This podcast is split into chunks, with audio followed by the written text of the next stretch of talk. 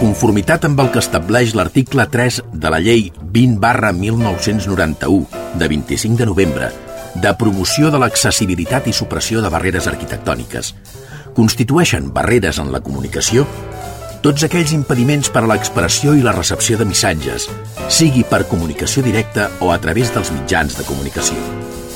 És per això que, emparant-nos en aquesta llei, volem que cada ciutadà gaudeixi del seu propi espai per moure's, un espai sense censura. Un espai en què vosaltres sigueu els protagonistes. En definitiva, un espai per tothom. Benvinguts a Espai Vital.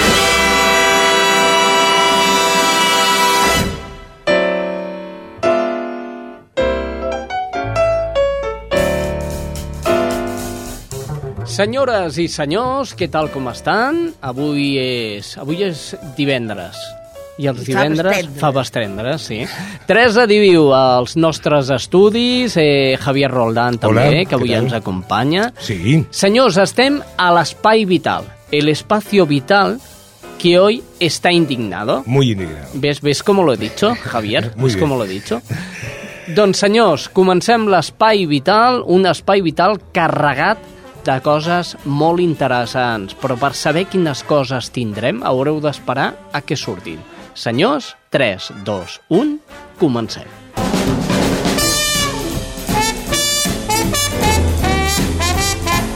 Estàs escoltant Espai Vital. I com sempre, salutacions Cerdanyola, Ripollet, Montcada, Barberà, Santa Perpètua i Sabadell, de totes les poblacions on l'espai vital eh, surt, sona. Eh, cada població els metres que tingui de cobertura de la seva emissora. Doncs molt bé, heu vist que tenim per aquí el Xavier Roldán, que eh, ens porta la solidaritat, com sempre, a l'Espai Vital. Xavier, mm, bon dia, que abans no t'he dit res. Es, es verdad, bon, bon día. Bon Oye, día. por cierto, que, que me, me gusta eso cuando dices 3, 2, 1, comencemos. Te gusta, no? Sí. És para crear ritmo. Muy bien. No, muy bien, muy bien. Muy bien. Molt bé, doncs 3, 2, 1, que ens portes? Bueno, eh, vamos a ver. Yo lo primero de todo quería. eh, este va a ser el último espacio de solidaridad eh, en esta temporada con respecto a Spy Vital. A la radio, a la radio. En la radio, en el Spy En la Vital. radio, sí. Y, eh, pero antes de empezar quería pedir disculpas por, disculpas por mis ausencias, Mm. que han sido motivadas por diferentes. Yo sí que te los explico. No, es que ya lo hemos dicho, Sí, estás que- indignado tú. Sí, bueno, no, pero no, mi- mis ausencias son por otras razones ya a nivel personal, pero, pero hoy sí que vengo un poquito indignado porque cuando, cuando eh, yo vengo a Spy Vital o grabo el programa de solidaridad de Spy Vital, siempre tengo cosas que decir con respecto a solidaridad. Y esta vez he cambiado un poco las tornas em, porque...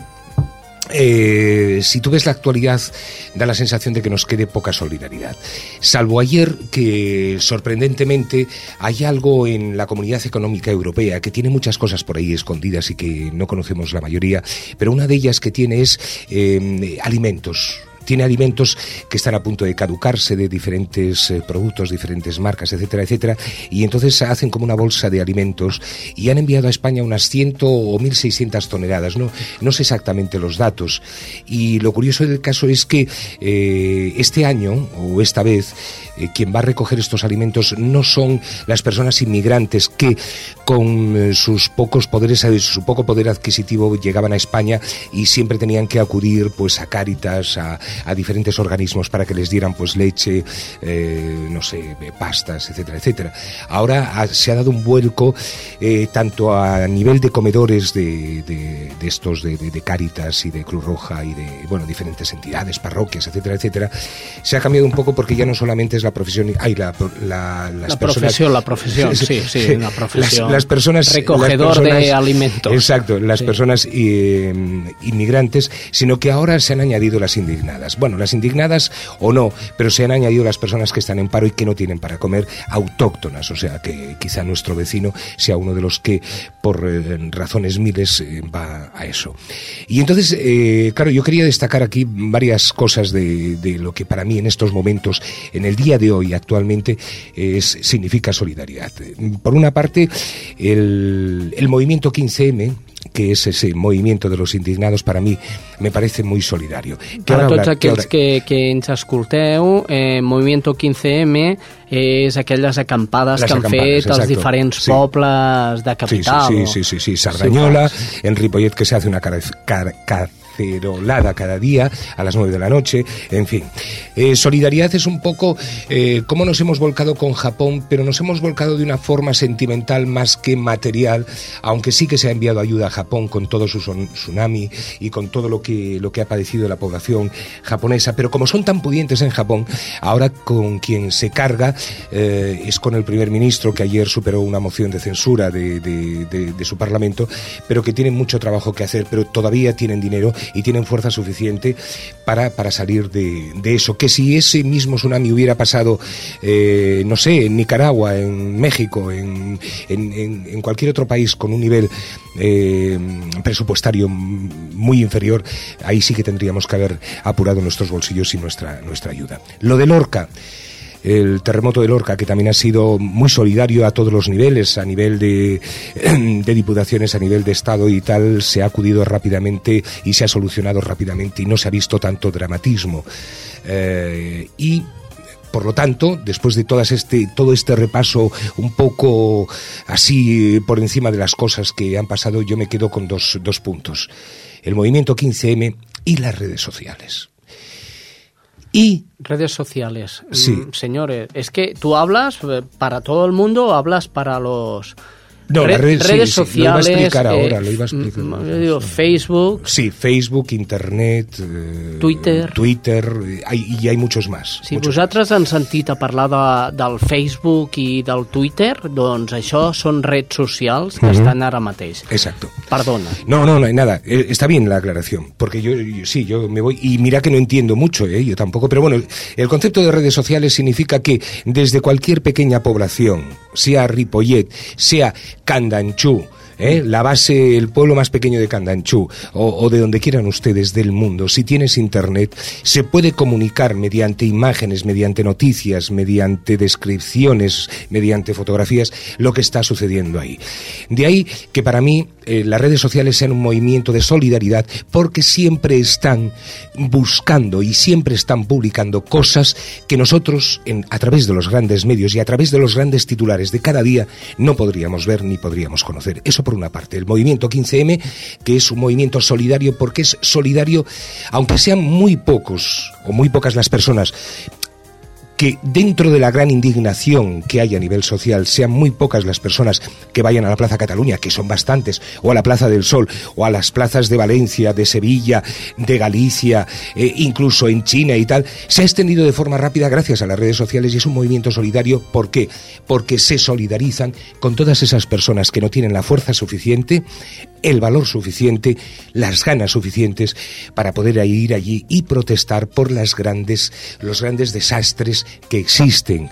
Y cuando digo grandes desastres que existen, empiezo por el sueldo de ministros, parlamentarios, alcaldes, concejales, de miles de ciudades de España, eh, sus gastos, sus tarjetas, las personas de confianza que tiene el Parlamento Europeo con una cantidad de millones que creo que se han calculado en 140 millones anuales, con lo que se podría subsanar miles de cosas con esos sueldos, esos sobresueldos que existen en política y ya no hablemos de las comisiones bancarias, de las grandes eh, mayores eh, a nivel bancario, a nivel bursátil.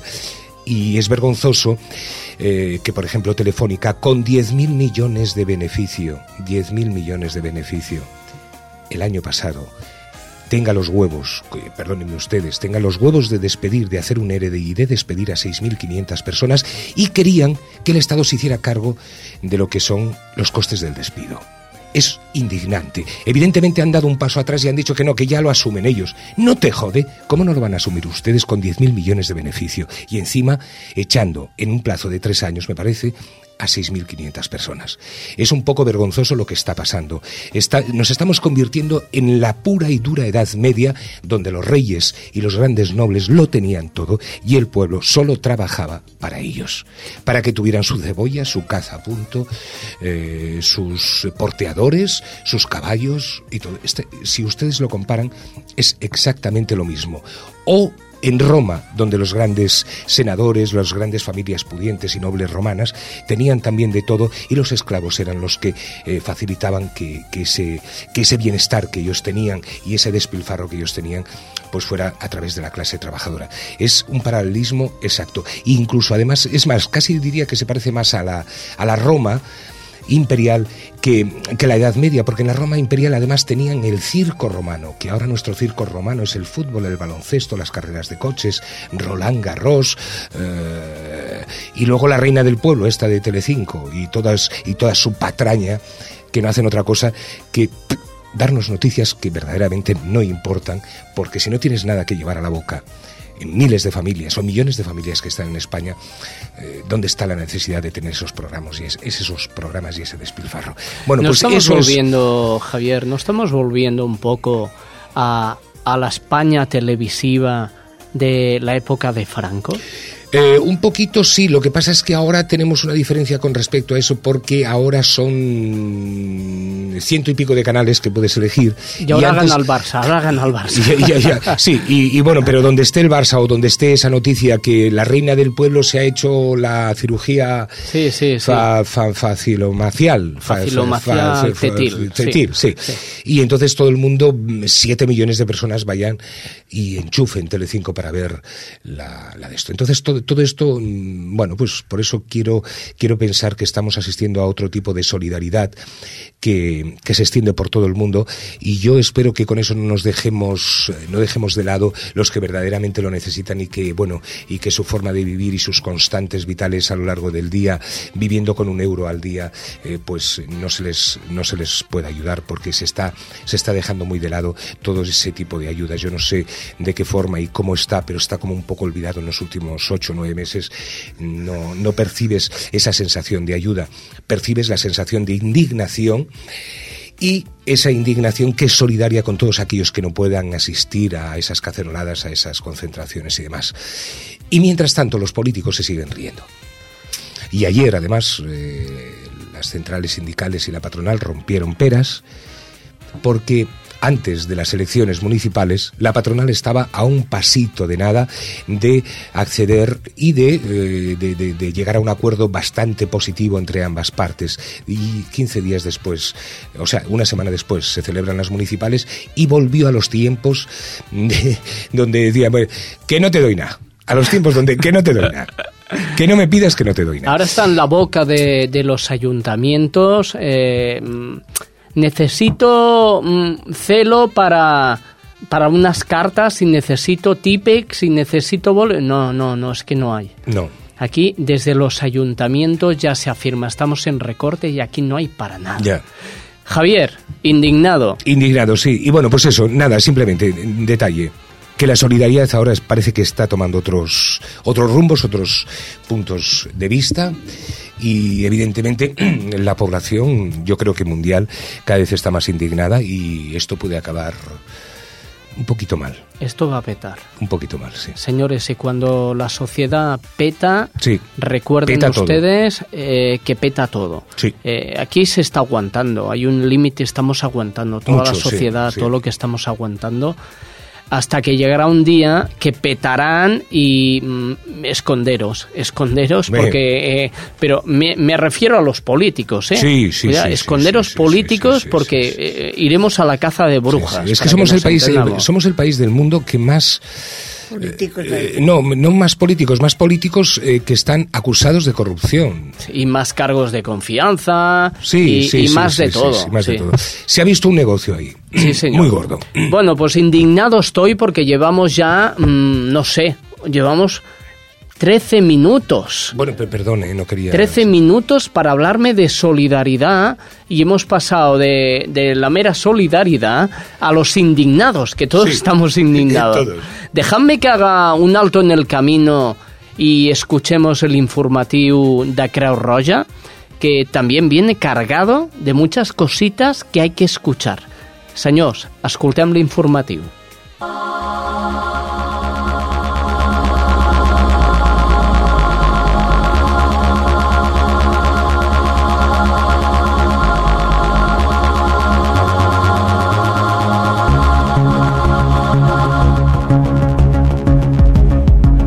Això és l'informatiu de Creu Roja. Desde este espacio les damos un cordial saludo y pasamos a las noticias de Cruz Roja para el programa Spy Vital de junio 2011.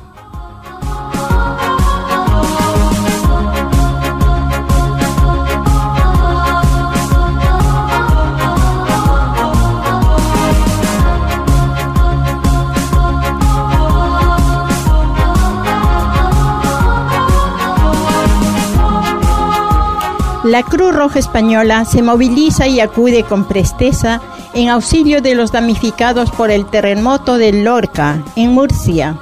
Para prestar asistencia sanitaria inmediata a las víctimas de los terremotos de Lorca, la Cruz Roja Española envió a la zona afectada siete ambulancias e instaló tres hospitales de campaña y dos centros básicos de atención.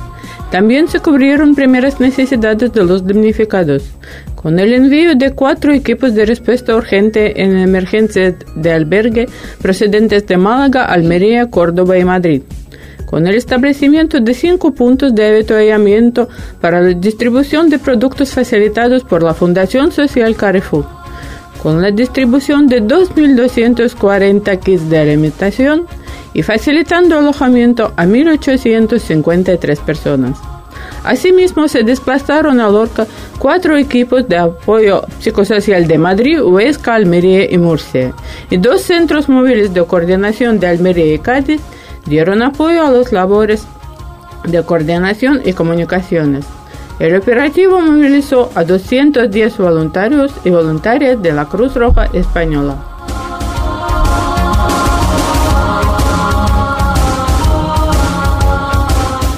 La Cruz Roja Española ha atendido más de 100.000 llamadas desde que se puso en marcha el servicio gratuito de información telefónica sobre el VIH-Sida. El telèfon gratuït 900 111 000 posat a disposició dels ciutadans pel Ministeri de Salut Política Social i Igualtat, però gestionat per la Creu Roja Espanyola, és d'àmbit nacional i està operatiu des de les 10 hores a les 20 hores de dilluns a divendres. Aquesta línia va entrar en servei el desembre de 2005 i en aquests 5 anys de funcionament ha rebut un total de quasi 116.000 trucades d'arreu d'Espanya.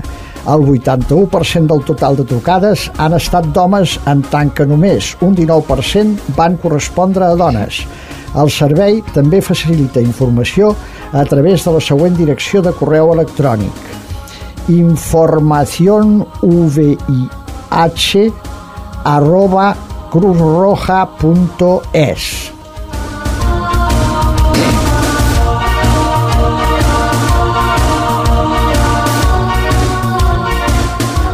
La Cruz Roja Española envía más de 60 toneladas de ayuda humanitaria a Costa de Marfil. Como consecuencia de la situación de violencia armada que se está viviendo en Costa de Marfil, hay más de un millón de personas desplazadas que subsisten en condiciones muy precarias. Urge el suministro de alimentos, de agua potable y también de bienes no alimentarios como mosquiteras, kit de cocina, kit de higiene y material sanitario para atender a heridos y enfermos. La Cruz Roja de Costa de Marfil, que activó su plan de urgencia a finales del 2010 para atender a la población civil, ya había recibido anteriormente la ayuda de la Cruz Roja Española.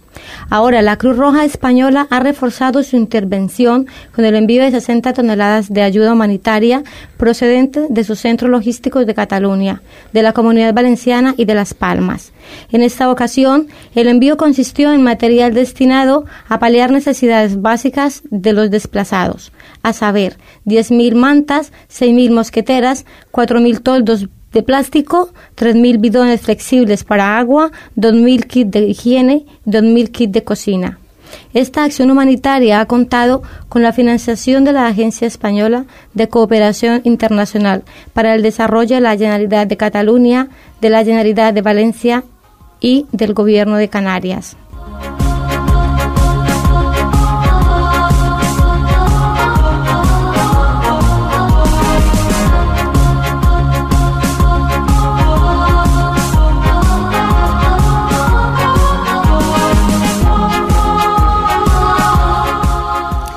De acuerdo con sus estatutos, la Cruz Roja Española difunde, enseña y defiende los derechos humanos y el derecho internacional humanitario. Segons estableix l'article 5 dels Estatuts de la Creu Roja Espanyola, l'objecte institucional d'aquesta organització és el desenvolupament d'activitats orientades a la consecució, entre altres, dels següents fins específics la difusió i ensenyament del dret internacional humanitari i la difusió i defensa dels drets humans fonamentals.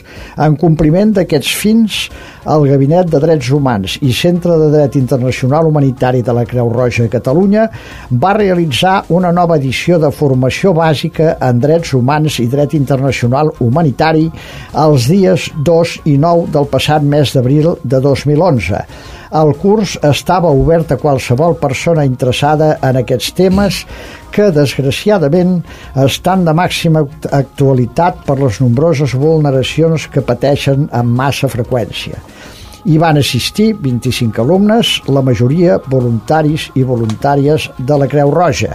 Així mateix, en aquesta mateixa línia, del 16 al 20 de maig es va dur a terme a Gandia, València, una nova edició del curs de promotors, promotores en drets humans, dret internacional humanitari i moviment internacional de la Creu Roja i de la Mitja Lluna Roja.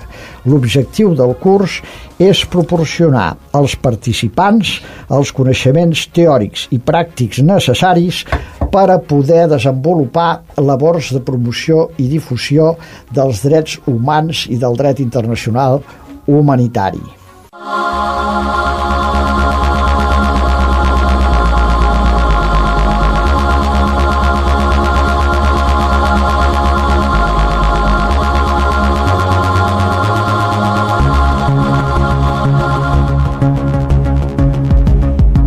Això és l'informatiu de Creu Roja. Actividades en la Asamblea Comarcal de Cerdañola, Ripollet, Moncada. Campaña de captación de fondos a través de la Lotería de Oro 2011 de la Cruz Roja Española. Se recuerda al público en general que ya están a la venta los boletos para participar en la Lotería de Oro 2011. Las personas interesadas en adquirir boletos pueden hacerlo hasta mediados de julio en la propia sede de la Asamblea Comarcal de Cerdañola Ripollet Moncada, Avenida de la Cruz Roja 2529 de Cerdañola, en las tiendas de comercio de los tres municipios y también de mano de algunos voluntarios y voluntarias. La aportación es de 5 euros por boleto. El sorteo se celebrará el próximo 21 de julio en Guadalajara. Se sortean un primer premio de 100 kilos de oro o su contravalor en euros, un segundo premio de 45 kilos de oro o su contravalor en euros, un tercer premio de 20 kilos de oro o su contravalor en euros, otros premios de menor cuantía también en oro o su contravalor en euros. Con tu aportación, la Cruz Roja podrá seguir dedicando recursos a aliviar las necesidades básicas de las personas más vulnerables de nuestro entorno, necesidades que la crisis que padecemos ha agravado enormemente. El sorteo de la Cruz Roja no es por el oro.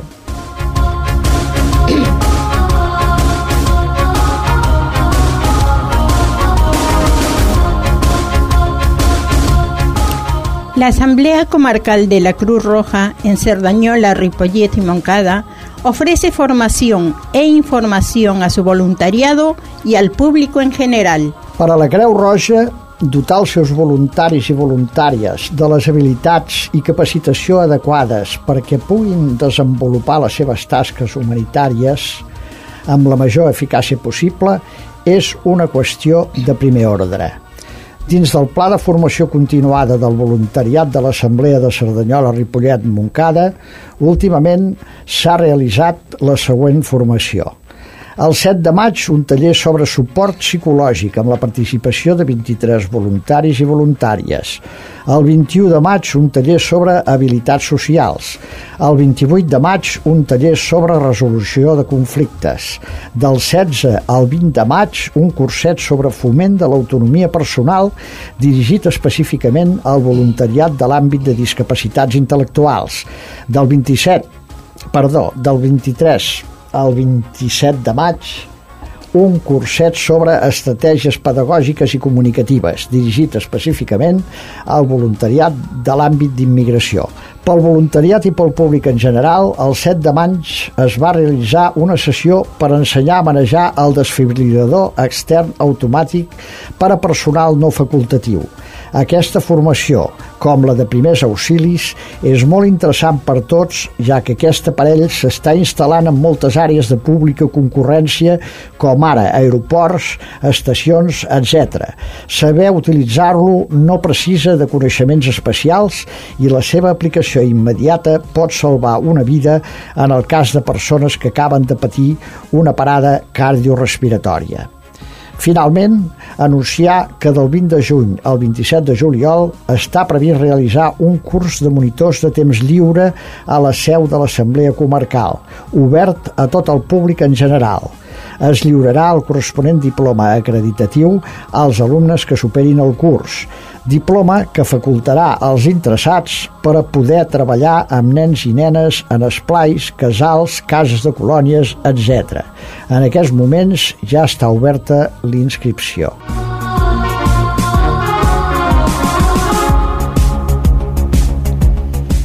Dentro de sus posibilidades, la Asamblea Comarcal de Cruz Roja en Cerdañola, Ripollet y Moncada ayuda a las personas y colectivos vulnerables ya sean autóctonos o inmigrantes, sin ningún tipo de discriminación.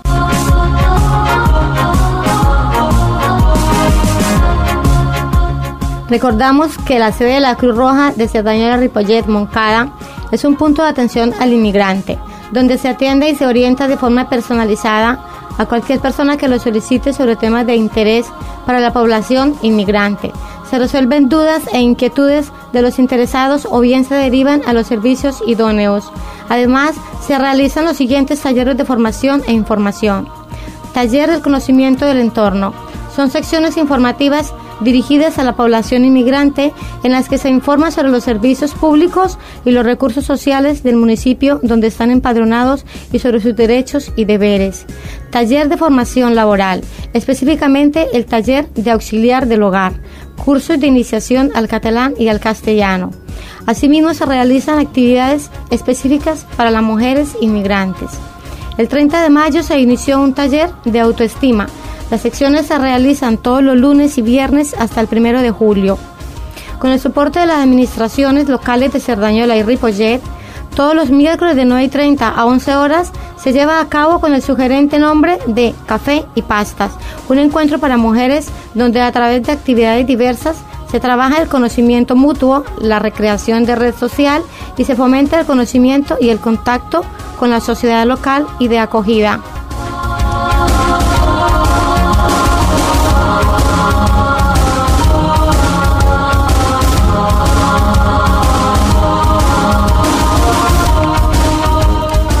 Asamblea Comarcal de la Cruz Roja en Cerdañola, Ripollet Moncada, presta servicios preventivos en los, efectos, en los eventos públicos.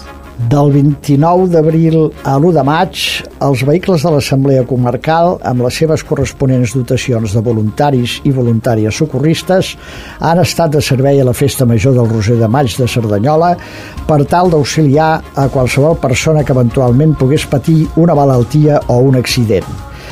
Per cobrir els diferents actes fou necessari mobilitzar quatre ambulàncies, tres vehicles adaptats de suport i un total d'aproximadament 50 voluntaris i voluntàries. Afortunadament, la majoria de les incidències registrades van ser de caràcter lleu, excepte alguna una mica més greu. Igual que en anys anteriors, en el mes de juny està previst cobrir dues celebracions. Primer, la Festa del Rocío de Catalunya i segon, la Festa Major de Montcada i Reixac. Pel volum de recursos humans i materials que cal mobilitzar, el Rocío mereix un breu comentari. Aquest acte es celebra dins del terme municipal de Montcada. Dura quatre dies i rep una massiva afluència de visitants d'acord amb la Junta Organitzadora, per poder garantir una ràpida i eficaç assistència sanitària als possibles malalts o accidentats, l'Assemblea Comarcal de la Creu Roja instal·la un hospital de campanya propi assistit per facultatius, diplomats d'infermeria, tècnics i voluntaris i i voluntaris socorristes, en torns de 12 hores. També hi haurà a punt ambulàncies per si fos necessari evacuar algú a l'hospital. En aquest operatiu intervindran aproximadament un centenar de voluntaris i voluntàries del Creu Roja a Cerdanyola, Ripollet, Montcada.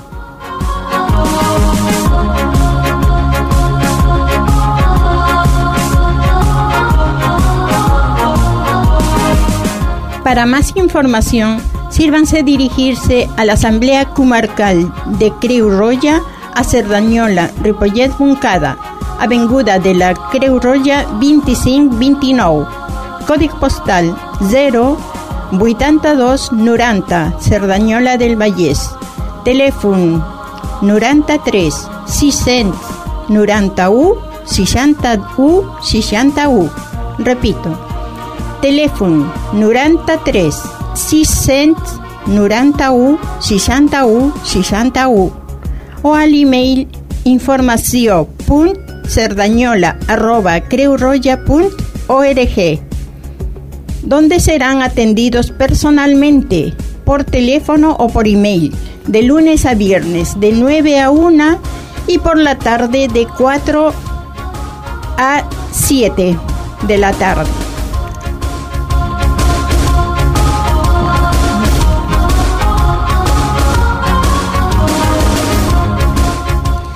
Muchas gracias por la atención prestada a este su noticiero. Hasta la próxima.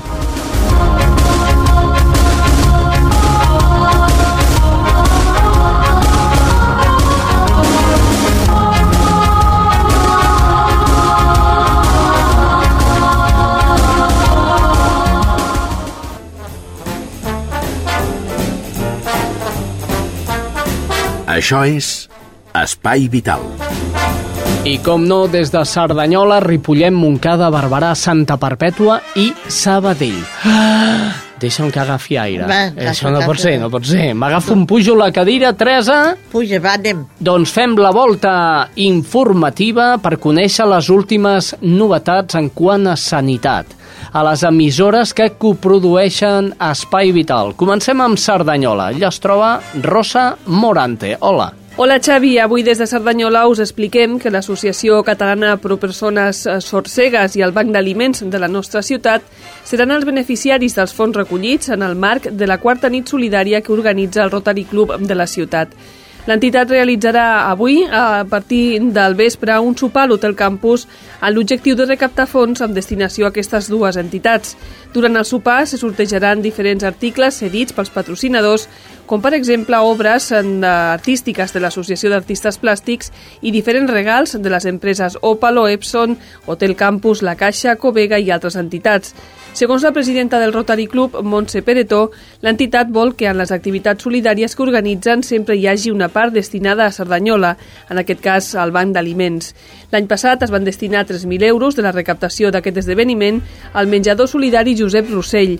L'objectiu d'aquest any és aconseguir que hi participin el màxim nombre de persones possibles. Segons eh, Montse Peretó, unes 180 o 200 persones estaria bé perquè, segons explica, és molt conscient de la situació econòmica en què vivim.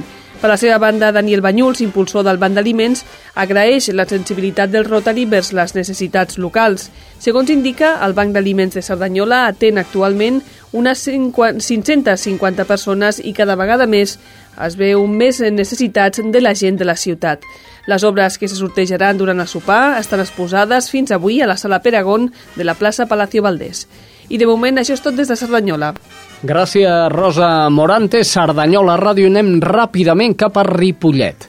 Allà, eh, allà a Ripollet es troba la Laia Prats. Hola. Hola, Xavi. Avui des de Ripollet expliquem que el passat 26 de maig va entrar en vigor l'ordenança de convivència de Ripollet. L'objectiu d'aquesta ordenança és ajudar a fer de Ripollet un municipi més amable, acollidor i sostenible, garantir els drets i deures de la ciutadania respectant els principis bàsics d'igualtat i de no discriminació, promocionar els valors d'adhesió i de solidaritat, amb especial cura vers aquelles persones que tenen major dificultat d'accessibilitat i d'inserció social, i promoure el compromís de defensar i prestigiar socialment el patrimoni públic i històric del municipi municipi.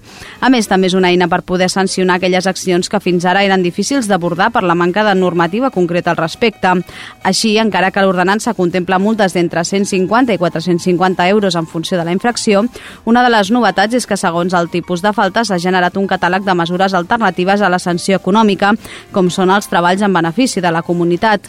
L'ordenança també regula les activitats festives al carrer, les activitats pirotècniques o el consum d'alcohol. Regula igualment tota mena d'actes incívics, com ara la destrucció del mobiliari urbà o fer necessitats fisiològiques a la via pública, entre d'altres. En els propers dies, amb l'entrada en vigor d'aquesta ordenança, també s'iniciarà una campanya de difusió del seu contingut entre els veïns i veïnes de Ripollet per ajudar a la seva implantació i compliment.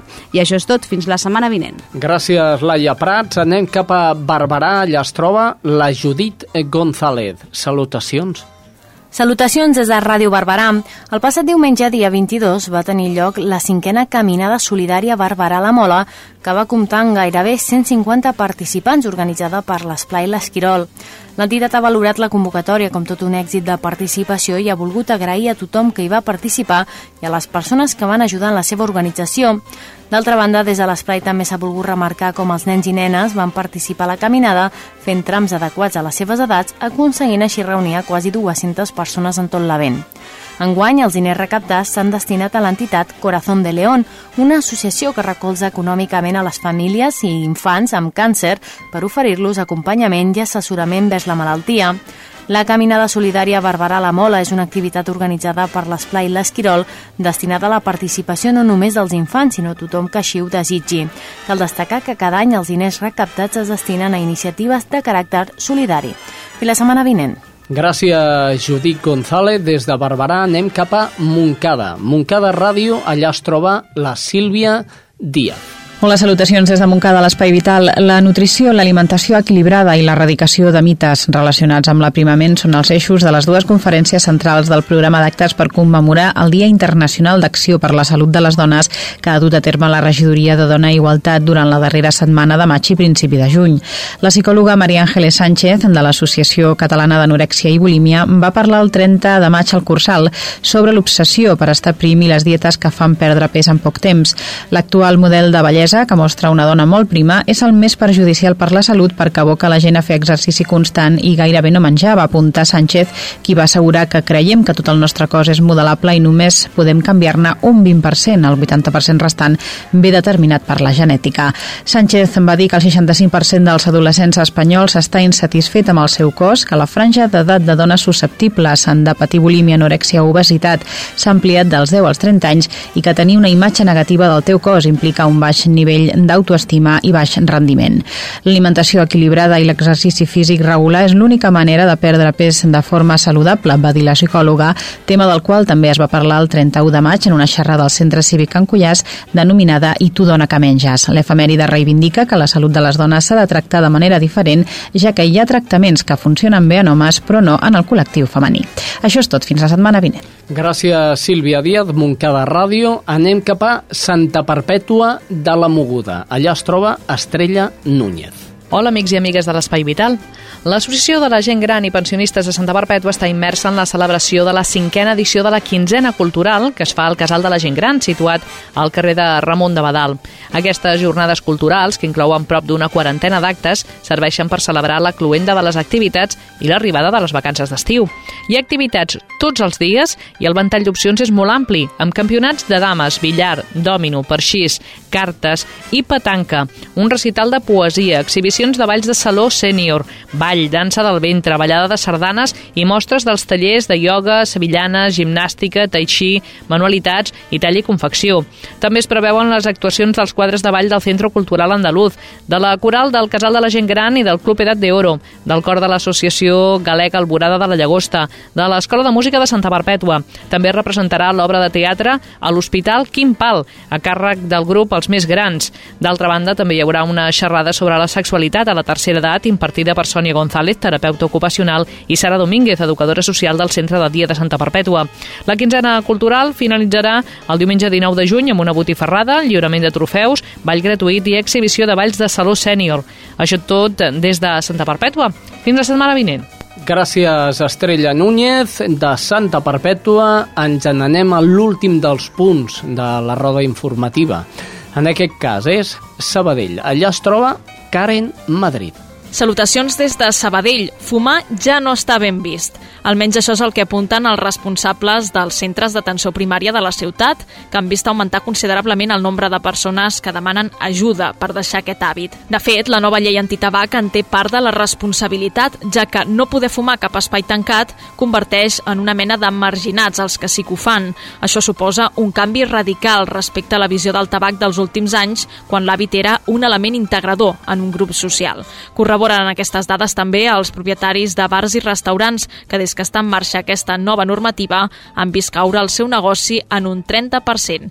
És tot des de Sabadell.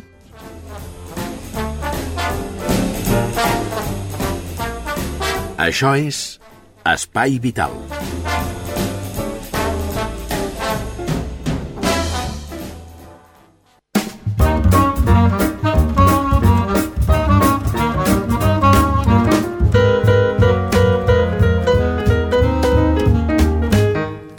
Doncs ja la sentiu. La sents tu, Teresa? Sí, sí. Això vol dir que has de treballar ara, eh? Tots plegats.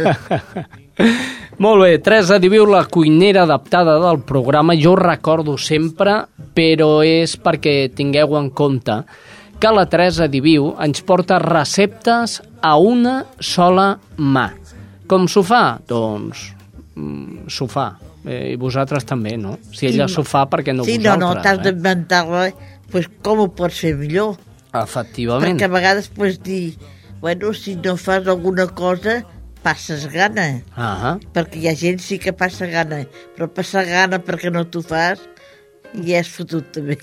Ella és malalta d'ictus, eh, eh, se li va quedar la meitat del cos Paralitzat. paralitzat, eh, li queda el, el cap, la boca, això ja ens va bé, i una mà. I una mà. Amb això ho fa tot, eh? Sí, amb això d'un plantofada. Vosaltres teniu tots els membres, podeu parlar, teniu el cap... Eh, bé, de fet, imagino que tots porteu el cap, no crec que ningú se'l tregui sense cap no- no malament, no? Malament. I per tant, podeu fer plats tan exquisits com el que ens porta la Teresa de Viu. De fet, plats que també, si no teniu temps d'escoltar la preparació ni els ingredients, etc etc, que sapigueu que eh, el programa es penja al blog d'Espai Vital. Apunteu ràdio guió alt, espai guió alt, vital, punt blogspot.com Una manera més fàcil, aneu al cercador Google i busqueu Espai Vital. La primera de les opcions que us surt és el blog d'Espai Vital. Molt bé, eh, també un correu. Radioespaivital arroba telefònica.net Repeteixo, radioespaivital arroba telefònica.net Aquí ens podeu preguntar o fer suggeriments del programa tal i com el veieu. I senyors, atenció perquè queden, jo diria, pocs no, poquíssims programes. Acabem el d'avui i en tenim un altre més Està. i ja marxarem. Que de fet, eh, què ens portaràs la setmana vinent? La setmana que vinent, com que és l'últim dia, Sí. pues miraré si em poden fer una coca. No sé si la podran fer, Ai, per què no? però perquè jo no la faré, la farà pues, el que tingui temps a casa. Bé, però la gent, la gent, la gent la pot fer. La gent Sí, la pot sí, fer. sí. La pot fer, no fa falta que la vagin a comprar a la pastisseria. Perquè si no poden fer la mà, Sí. la poden fer molt mini-pimini i tot. Ens referim a la coca de Sant Joan. Que Això no havíem mateix. dit res, no, no, No, no, la no, poden no. fer, la poden fer, però no diem el què, malament, la coca no? de Sant Joan. que doncs és molt bona, bé. és bona. La setmana vinent, últim programa de la temporada. Eh, tenim preparant-se mm, la recepta de la coca de Sant Joan. Ja veuran vostès que es poden fer de mil maneres i, i amb la Teresa Diviu en tenim una, la millor. I si voleu fer, mm, és la coca de Sant Joan d'Espai Vital. Això mateix. Molt bé, Teresa. Eh, això la setmana vinent, però aquesta setmana... Aquesta setmana que hi ha? A menjar, menjar bo. Suquet de la mestressa. Ui, l'has buscat eh, una miqueta per tu, això, eh? Home, això sobre les mestresses, pues n'hi ha moltes de mestresses a casa. Molt bé, anoteu, anoteu. Bolígraf, paper i a poc a poc anoteu els ingredients del suquet de la mestressa.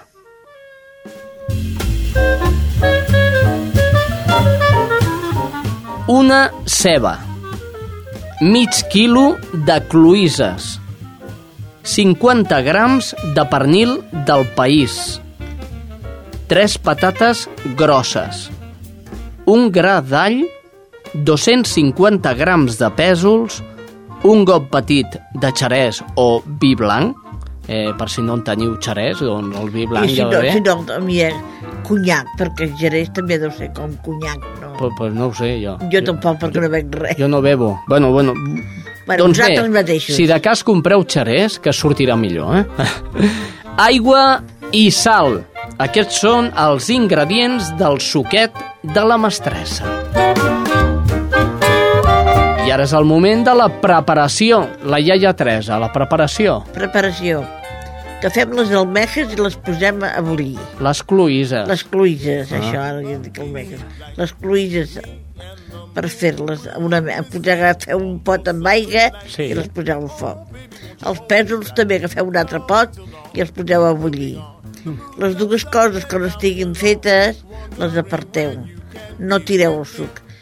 Agafeu una paella o una cassola i fregiu la ceba ratllada. Si no la podeu ratllar, al mercat sabeu que n'hi ha de ratllada.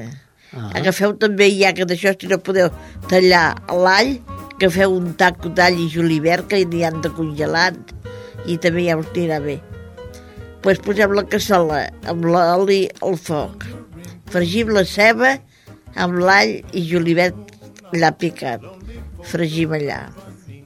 Quan ho tenim fregidet, allò una mica fregit, no, no que no s'us cremi, i tirem el, el gerès. Sí. Com han tirat el gerès, i tirem les patates. Allà, si les podeu tirar a daus, millor. Si no podeu tallar-les vosaltres, mira, n'hi ha a daus al mercat que també us serveixen, aquelles congelades. Poseu allà les patates i les que veu de rellenar amb aigua de, del suc de les cloïses Que un truquet eh, heu de passar-la per un colador, perquè si no està plena de terra aquella Això aigua. sí. Mhm. Un colador, sí. Molt bé. I després hi tireu també el suc dels, dels pèsols, Ahà. allà, Sí, hasta que cobreixin les patates. sí. I tireu els pèsols i tireu les cruïses allà que hàgiu tret el tros que no serveix de closca, Sí, més tireu el que hi ha la carn allà dintre. val. I que vagi fent el xup-xup, doncs pues mira, 15-20 minuts, proveu que ja, si està bé. Ah, no, perdoneu, ja com sofregiu la ceba i, i l'all, heu de tirar-hi el pernil. El pernil, clar, ves, eh, ja pernil. anava jo ara, dic, oi, cada, un dia t'oblides la sípia, Sí, no, avui t'oblides el, el pernil. Ah, El pernil allà que sofregeixi. val, que agafi gustet també. Gustet. Mhm. I tirem el gerès. Sí. I després sí, tireu les patates. Mhm.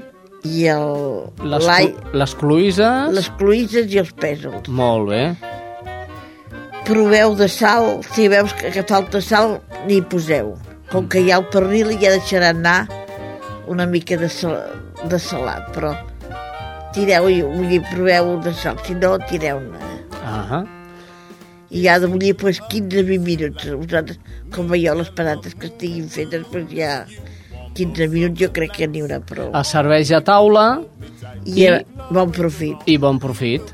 Doncs molt bé, Teresa, gràcies per aquesta super recepta per dinar d'avui. I, de fet, eh, no vull marxar sense escoltar a una gran persona, eh, com és el Juan Perro, un gran músic i cantant. Ens porta ara Senyora del Mar. Veuràs com t'agrada, Teresa. Anem a veure. És el excantant de Ràdio Futura. Segur que el coneixereu de seguida que comenci a cantar. Senyors, fins la setmana vinent, que serà l'última. Hoja tras hoja se lleva el viento de un libro que no podré acabar. Y haga lo que haga mi pensamiento, siempre está en otro lugar. Dicen que sueño despierto, de noche me oyen hablar. Cura esta herida que siento en mi pensamiento, señora del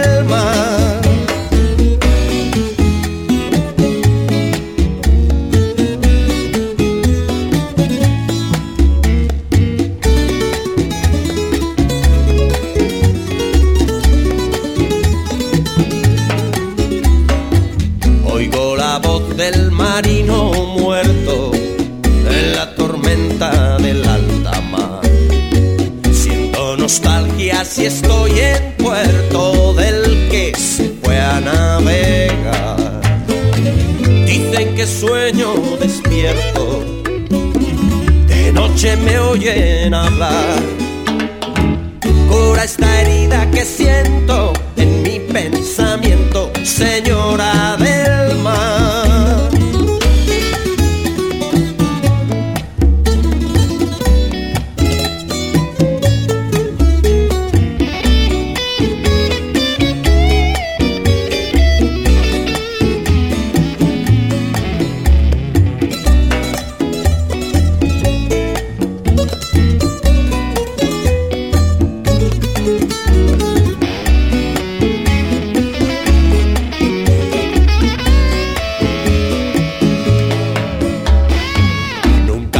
Acuesta en el mismo lecho, mi ánima inquieta y crepuscular. Y aunque termine siempre maltrecho, soy fiel al hecho de amar. Dicen que sueño despierto, de noche me oyen hablar.